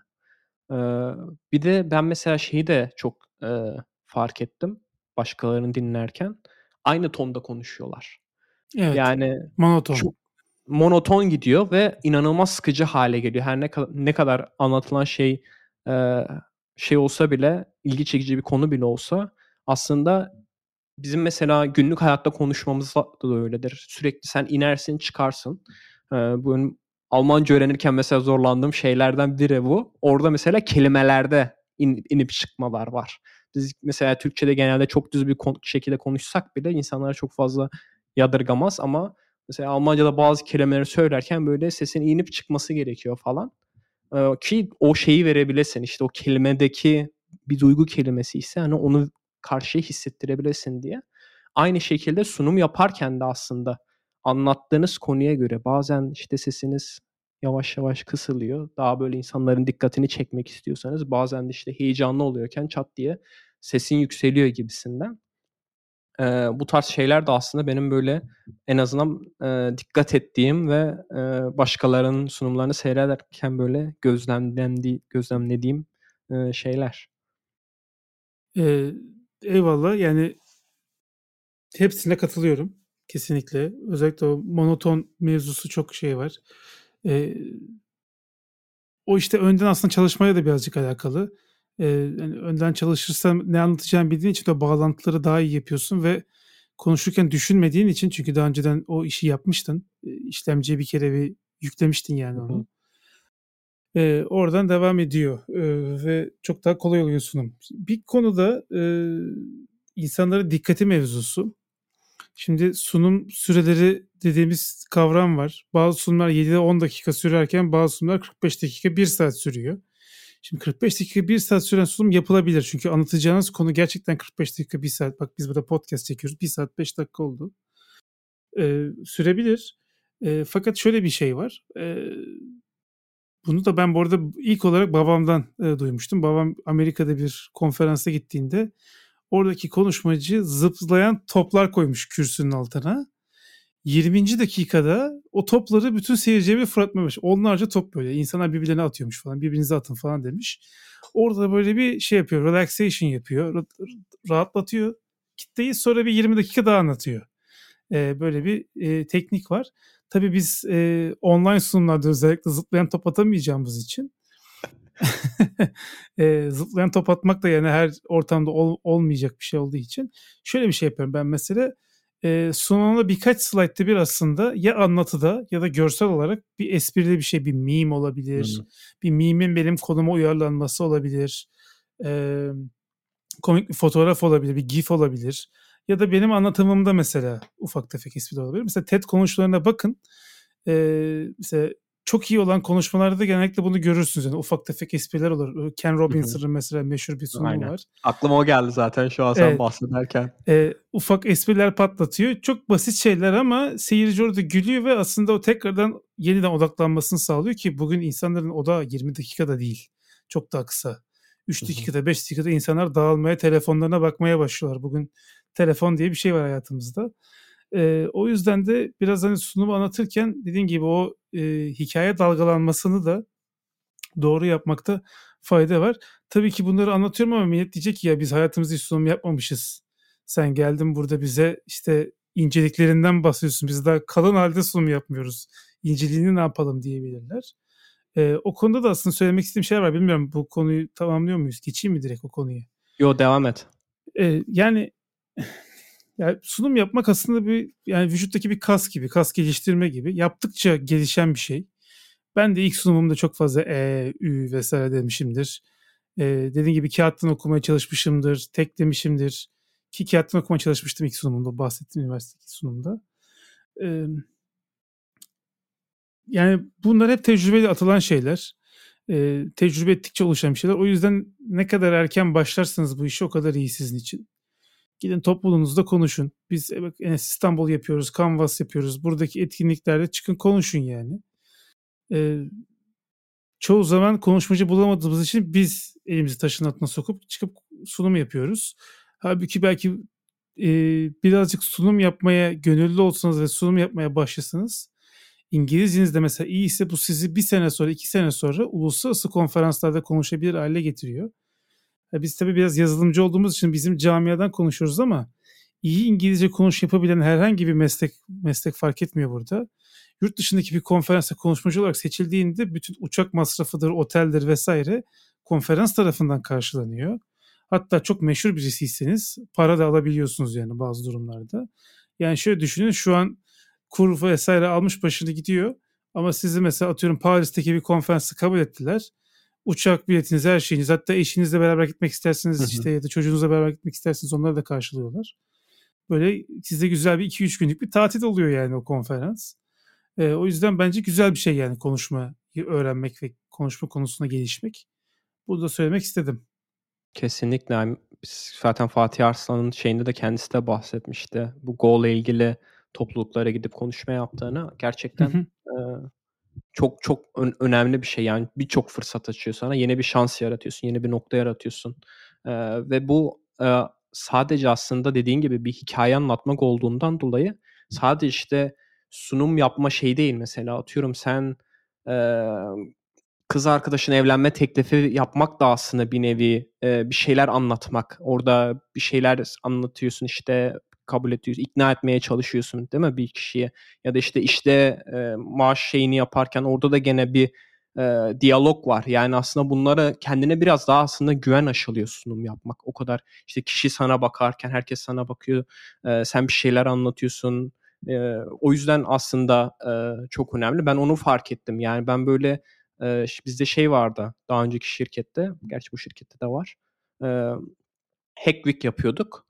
Hack Week'in işte e, sonunda cuma günü herkes anlattığı şeyi sunuyordu böyle fiziksel anlamda gidiyorduk böyle işte bir toplantı şeyim alanımız vardı. İşte onlar da kişi geliyordu. Aynı zamanda da kaydediliyordu ve e, diğer ofislere canlı olarak veriliyordu falan. Ben orada mesela hakikaten artık şey anladım yani işte ben bu işi kopardım gibi şeyini oldum. Çünkü şeye başlamıştım artık hani hem İngilizce yapıp hem de şaka yapmaya başlamıştım. Ve e, hakikaten o, o an şeyi fark ettim yani e, insanların e, tepkisini görünce e, hem sunum yapmanın ne kadar keyif verdiğini hem de bunun bana daha çok e, özgüven verdiğini fark ettim. Yani ben mesela bir şey hakkında bir e, Hackweek projesi yapmıştım işte Siri'yi kullanarak e, deploy alma gibisinden e, bir e, proje geliştirmiştim. Bunun sunumunu yapmıştım işte anlatmıştım falan. Orada mesela işte şey demiştim daha hala bu deneme probation time'da olduğundan dolayı production'ı test etmedim falan gibisinden bir şaka yapmıştım bayağı insanlar böyle şey yapmıştı, gülmüştü ve sonrasında da çok güzel feedbackler alıyorsun. Ya işte sunumun çok güzeldi. Ondan sonra mesela şey olmuştu yani ben böyle ofiste gezerken falan hiç tanımadığım insanlar gelip seni durdur beni durdurup şey diyordu. Ya işte sunumun çok güzeldi işte ben de Siri'yi kullanmaya başladım falan diye bu şekilde aslında bir nevi hı hı. network'ünün de gelişmesini sağlıyor sunum yapmak. çünkü hani sunumunu beğenenler gelip seninle tekrardan sohbet etmek istiyor, bağlantıda kalmak istiyor. E, o yüzden hani bu şekilde e, ekstra e, faydaları da var eğer iyi bir e, sunumcuysan. Kesinlikle. Kesinlikle. Feedbackler çok mutlu ediyor insanı. Ee, bana da bazen çok güzel feedbackler geliyor. Hatta egomu da okşuyor yani. Hoşuma gidiyor. Gerçi yani mesela birkaç defa şey gelmişti. Hayatımda izlediğim en iyi sunum diye bir yorum gelmişti. Ben de onlara şey dedim daha fazla sunum izlemelisin. Çünkü benim sunum, hayatını izlediğin sunumsa çok iyi sunumlar seyretmemiş demektir. ee, böyle de bir şey var. Ee, Aynen. Bir de şeyle bahsetmek gerek abi. Yani kimse gidip de işte yarım saatlik sunumla başlamasın. Yani hmm. e, çok basit yani bu Lightning Talk diyorlardı yanlış hatırlamıyorsam. Böyle 5 dakikada 6 dakikada çat diye çıkıyorsun bir şeyler anlatmaya başlıyorsun. Böyle top bir, birkaç kişiyle böyle işte toplanmışken e, öyle bir konsepte. E, hani öyle bir şeyle başlayabilirsiniz ve e, daha sonradan aslında böyle ya şu konu benim ilgimi çekiyor ben daha çok kişiyi anlatmak istiyorum diye e, böyle e, farklı yerlerde aslında aynı sunum yapabilirsiniz. Yani bu da böyle nasıl diyeyim ayıp falan bir şey değil. Yani çoğu bilmiyorum çoğu yazılımcı genelde benzer şeyleri yapıyorlar. İşte atıyorum yeni bir JavaScript framework'ü çıkmıştır. Ee, bizim çok tanıdığımız bir JavaScriptçi gider o konuyu hemen öğrenir. Ondan sonra gider işte X üniversitesinde anlatır, Y üniversitesinde anlatır, Z üniversitesinde anlatır ama mesela işte en son anlattığı yerde muhtemelen en iyi şekilde anlatır. Çünkü öyle artık öyle bir prova etmiştir ki e, onu e, insanlara çok daha güzel bir şekilde anlatır. Hani bu da aslında e, yapılabilir bilecek şeylerden bir tanesi. Bilmiyorum abi senin daha fazla işte bu fiziksel sunuma e, eklemek istediğin bir şey var mı yoksa biraz da e, bu Zoom üzerinden ya da işte Google Meet üzerinden yapılan sunumlara mı değinelim? Yani şöyle söyleyeyim ben bu kadar sunum yapmama rağmen daha geçen gün bir tane sunum yaptım. Her seferinde heyecanlanıyorum. Tabii ki ilk seferdeki heyecanla son yaptığımdaki arasında çok ciddi fark var ama heyecan mutlaka oluyor her seferinde. Heyecanlanmıyoruz falan gibi düşünmeyin. Ee, işte yani benim en büyük tavsiyem olabildiğince erken başlamanız bu işi. Senin dediğin şeyler kesinlikle e, katılıyorum. Hatta biz bu konuyla ilgili bizim topluluklarda böyle açık mikrofon gibi bir şey yapalım demiştik. Pandemi patlamasaydı yapacaktık. Yani açık mikrofon olacak, seyirci sayısı çok az olacak. İşte konu e, çok basit bir konu olacak, kısa olacak vesaire. Sırf o sahne korkusunu yensin insanlar o alıştırmayı alsınlar diye daha sonra kendileri isterlerse böyle bir şey talep ederlerse kapalı yani anonim bir şekilde de feedback verecektik. Ee, böyle bir yapımız vardı. Ee, dinleyici kitlesi 10 kişiyi falan geçmeyecekti. Eee, daha yapamadık yani bakalım. Eee, fiziksel etkinlikler başlayınca şey yaparız. Online etkinliklere ben direkt geçeyim mi buradan? Tamam. Geç Eee, abi. yani online etkinliklerde tabii dikkat edilmesi gereken, eee, konular çok yani kesişiyor fiziksel etkinliklerle. Yine sunumunuzun, narrative'inizin, anlatımınızın çok iyi olması lazım. Eee, onun dışında ek olarak da mesela ekipmanınızın iyi olması çok önemli. Eee, bir cep telefonu mikrofonuyla, kulaklığıyla sunum yapıyorsanız sesiniz çok boğuk gidiyor karşıya. Size öyle gelmiyor olabilir. Kötü oluyor yani. Işık kötüyse, işte, ne bileyim, arka planda, ııı, böyle süslü perdeler varsa dikkatler oraya kayıyor. Böyle desenli mesenli bir şeyler varsa. Gerçi bunu söyleyeyim benim arkamda şu an acayip bebek arabası falan var odamda. Eee, ama ben sunum yapmıyorum burada. Neyse, eee, bunlar çok önemli. İnternet hızınızın iyi olması çok önemli. Eee, ben mesela sunum yapacağım günler upload hızımı arttırabiliyorum ben ISP'imden. Başvuruyorum 10 megabit'e çıkartıyorum. Arttırmak da 10 megabit'e çıkartmak 5'ten. Ama Almanya'da. Almanya loves loves in Germany gibi bir şey oldu yani. Almanya şeklinde güldüm bana. Eee, ama eee, yani bu bunlar önemli şeyler. Onun dışında, işte sunumdan önce dediğim gibi o tekrar yapma gibi konuların hepsi geçerli. Vaktinde sunuma gelme o da önemli. Eee, sunum 2 dakika kala değil de bir 5-10 dakika kala gelirseniz o heyecanı atmak için iyi oluyor. Eee, soru cevap kısmı önemli. İşte, soru cevap mutlaka yapın. Online'da çok soru oluyor çünkü. Hı hı. İnsanlar seyrediyorlar. Mutlaka, eee, sunumun tekrarı olacak mı olmayacak mı bunu söyleyin. Baştan söylemeseniz bile sonlara doğru söyleyin. Baştan söylerseniz herkes çıkıyor çünkü sonra seyrederim falan diye. Sonra da kimse seyretmiyor. Bir şey var. Eee, ve online'da gerçekten dikkat toplamak çok daha zor fizikselden. Çünkü fizikselde insanlar bir investment yapmışlar. Bir yatırım yapmışlar. Bir toplu taşıma aracına binmiş, bir araca binmiş, gelmiş oraya fiziksel olarak bulunuyor. Orada oturuyor ve seni dinliyor. Orada dikkatleri toplamak çok kolay. Ama online'da adamın arkasından çocuk bağırıyor olabilir dinlerken. Bir yandan hı. hanımı yanda dizi seyrediyor olabilir.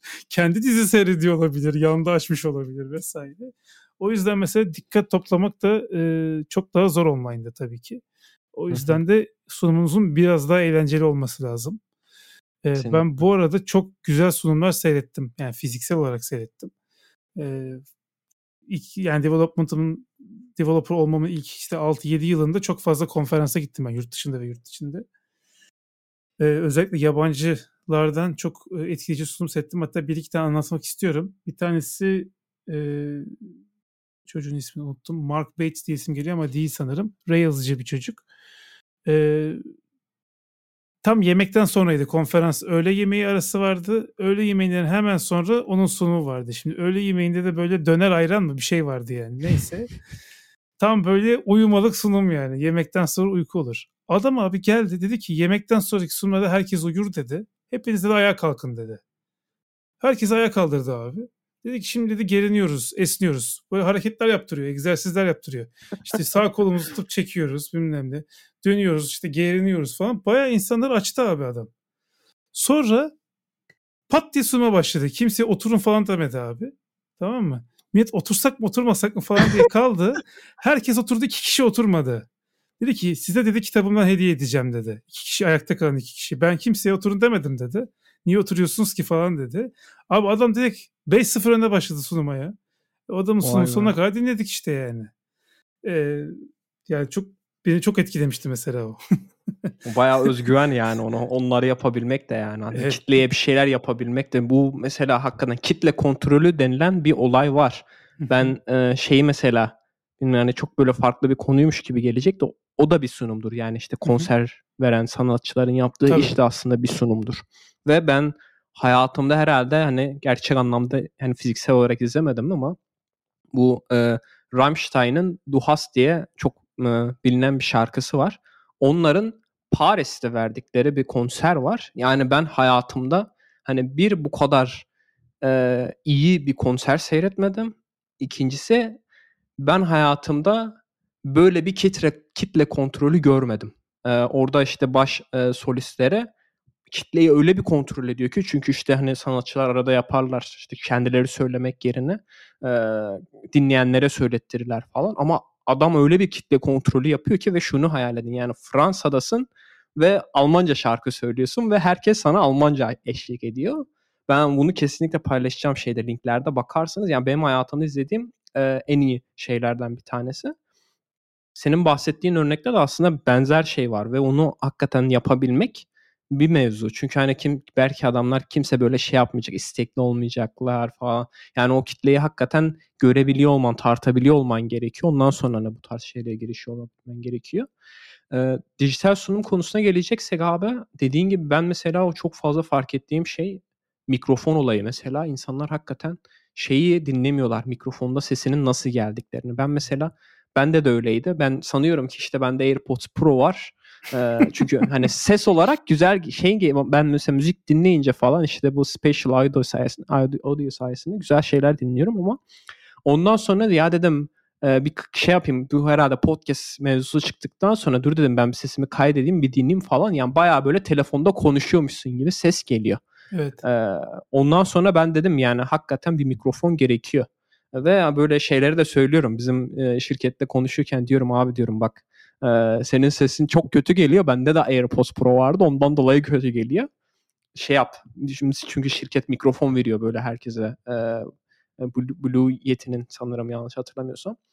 Bir mikrofonu veriyor. Hani dedim iste mikrofonu versinler onu kullan ve hakikaten şeyi fark ediyorsun. Mikrofon kaliteli ise insanlar seni daha dikkatli dinliyor. Eğer kalite kötüyse herkes zaten artık işte aş arkadan mailine bakmaya başlıyorlar. İşte Slack'te mesajlarını cevaplamaya başlıyorlar falan. Hiçbir şekilde senin sunumuna odaklanamıyorlar. O yüzden çok e, sıkıntılı bir şey.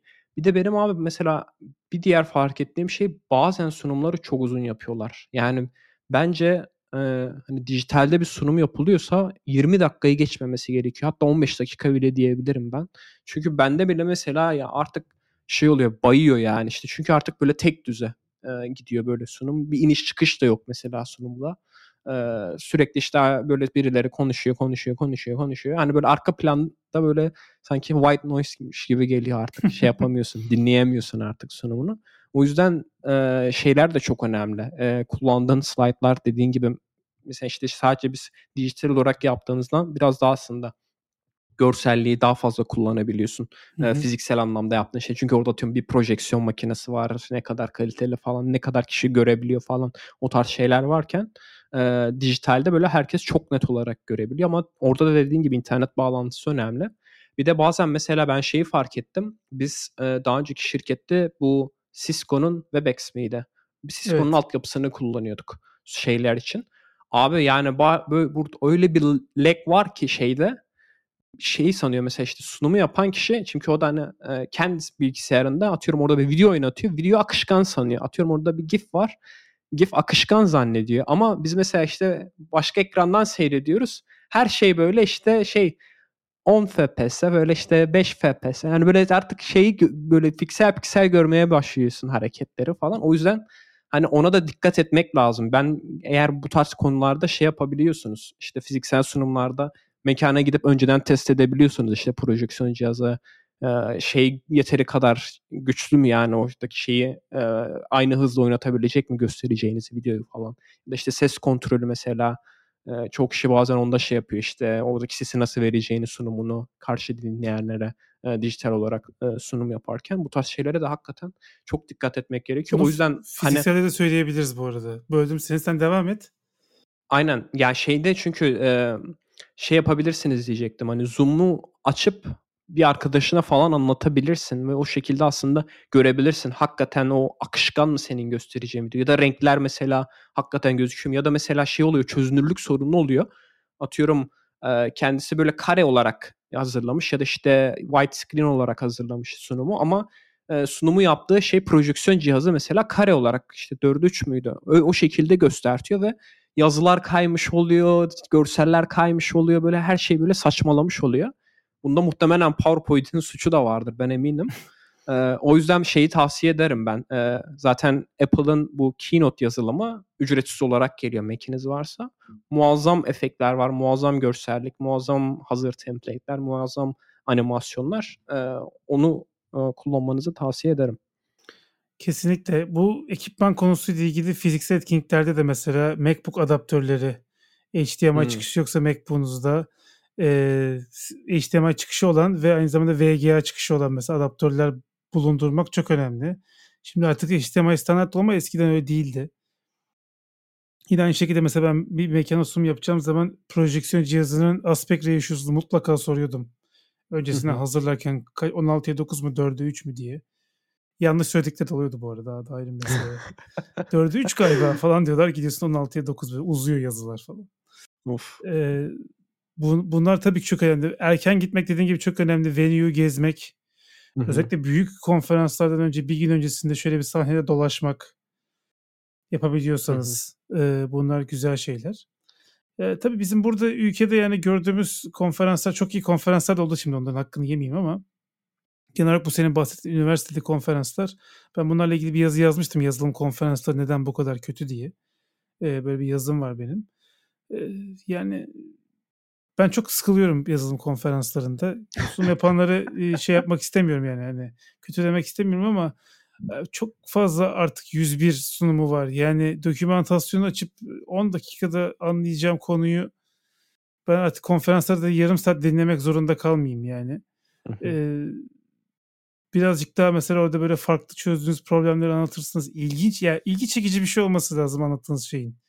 Ee, yani 101 bile anlatıyorsunuz mesela onu ilgi çekici bir şekilde anlatırsanız bak böyle bir şey var bilmiyor olabilirsiniz. Bak bu bunu çözüyor dersiniz mesela direkt use case üzerinden giderseniz daha ilgi çekici olabilir. İlgi çekici hale getirmeye bakın. Ben mesela benim eşime falan yapıyorum sunum. Hani onun ilgisini çekiyorsa herkesin ilgisini çekiyordur. Çünkü hiç yazılım alakası olmayan birisi yani. Ee, anneme yapıyordum eski, evlenmeden önce de anneme babama falan yapıyordum sunum. Ee, orada gerçekten güzel bir test oluyor. En azından mesela ne anladıklarını soruyorum sonrasında. Teknik bir şey anlatsam bile en azından bak şu böyleymiş de bu işe yarıyormuş diyorlarsa tamam diyorum. Bu anlatıyor yani derlerini. Ee, kolay bir şey değil sunum hazırlamak. Ee, ama yaptıkça çok büyük faydasını göreceksiniz diye kapanışı yapayım yani. Hı hı. Bilmiyorum var mı ben konumuz? son olarak şeyi de söyleyeyim dedim abi sen çünkü böyle e, alanı gezin dedin oradan aklıma geldi. Aslında sunum yaparken yürümek de oldukça faydalı bir şey böyle e, stresi atabilmek açısından ama onu da böyle çok ayarında yapıyor olmak gerekiyor. Eğer çok hızlı yürü yürüyorsanız e, bu hakikaten e, dinleyenlere çok rahatsız eder ya da işte yerinizde durup böyle sürekli işte sağa sola hareket ediyorsanız falan bu tarz şeyler de aslında dinleyenleri çok rahatsız eden şeyler. O yüzden ben e, Steve Jobs'ın birkaç tane sunumu var benim beğendim. İşte iPhone sunumu, MacBook Air sunumu falan hem nasıl bir şey, bir ürün tanıtılır, bir şey sunum yapılır. Hem slide olarak nasıl hazırlanır hem de hani kişi olarak nasıl şey yaparsın. Orada görebiliyorsun mesela Steve Jobs'ı. Orada çok yavaş yavaş e, sahnenin bir ucundan bir ucuna yürüdüğünü zaman zaman e, o da aslında son olarak e, ekleyebileceğim şeylerden. E, senin de sanırım artık ekleyeceğin bir şey yoksa e, Yok. yavaştan bölümü kapatabiliriz. Bana kızmışlar da biliyor musun? Sağa sola çok yürüyorum diye. Kameraman aptala döndü diye. Ee, sunum ortasında biri gelip uyarmıştı çok fazla yürüyorsun diye. Öyle de bir anım var yani. İyiymiş. O zaman yapalım kapanışı. Farklı Düşün Podcast'ın 27. bölümünde e, biraz okuduklarımızdan ve listemizde olan kitaplardan bahsettik. Daha sonra uzun uzun zaman çarkı yorumu yaptık spoilersız. E, ondan sonra Twitter'daki CEO değişikliğini ve Twitter'ın gezilikle ilgili aldığı bazı kararları konuştuk. Son olarak da aslında ana konumuz olan topluluk önünde konuşma konusunu ele aldık. Bu konuyla ilgili daha fazla öğrenmek istediğiniz, merak ettiğiniz şeyler olursa yine bize yazabilirsiniz. Mail adresimiz show notlarında yazıyor. Yine aynı şekilde e, bizim podcastimize farklı düşüne Spotify ya da Apple Podcast üzerinden e, takip edebilirsiniz, abone olabilirsiniz. E, ücretsiz abonelik korkmayın. Ve e, aynı zamanda bize yine Apple Podcast üzerinden yorum yazabilirsiniz, bırakabilirsiniz. Spotify'da yok yorum bildiğim kadarıyla Mert. Yok. E, bu bölümlük bu kadar diyelim. Bir sonraki bölümde görüşmek üzere. Hepiniz hoşçakalın. Hoşçakalın.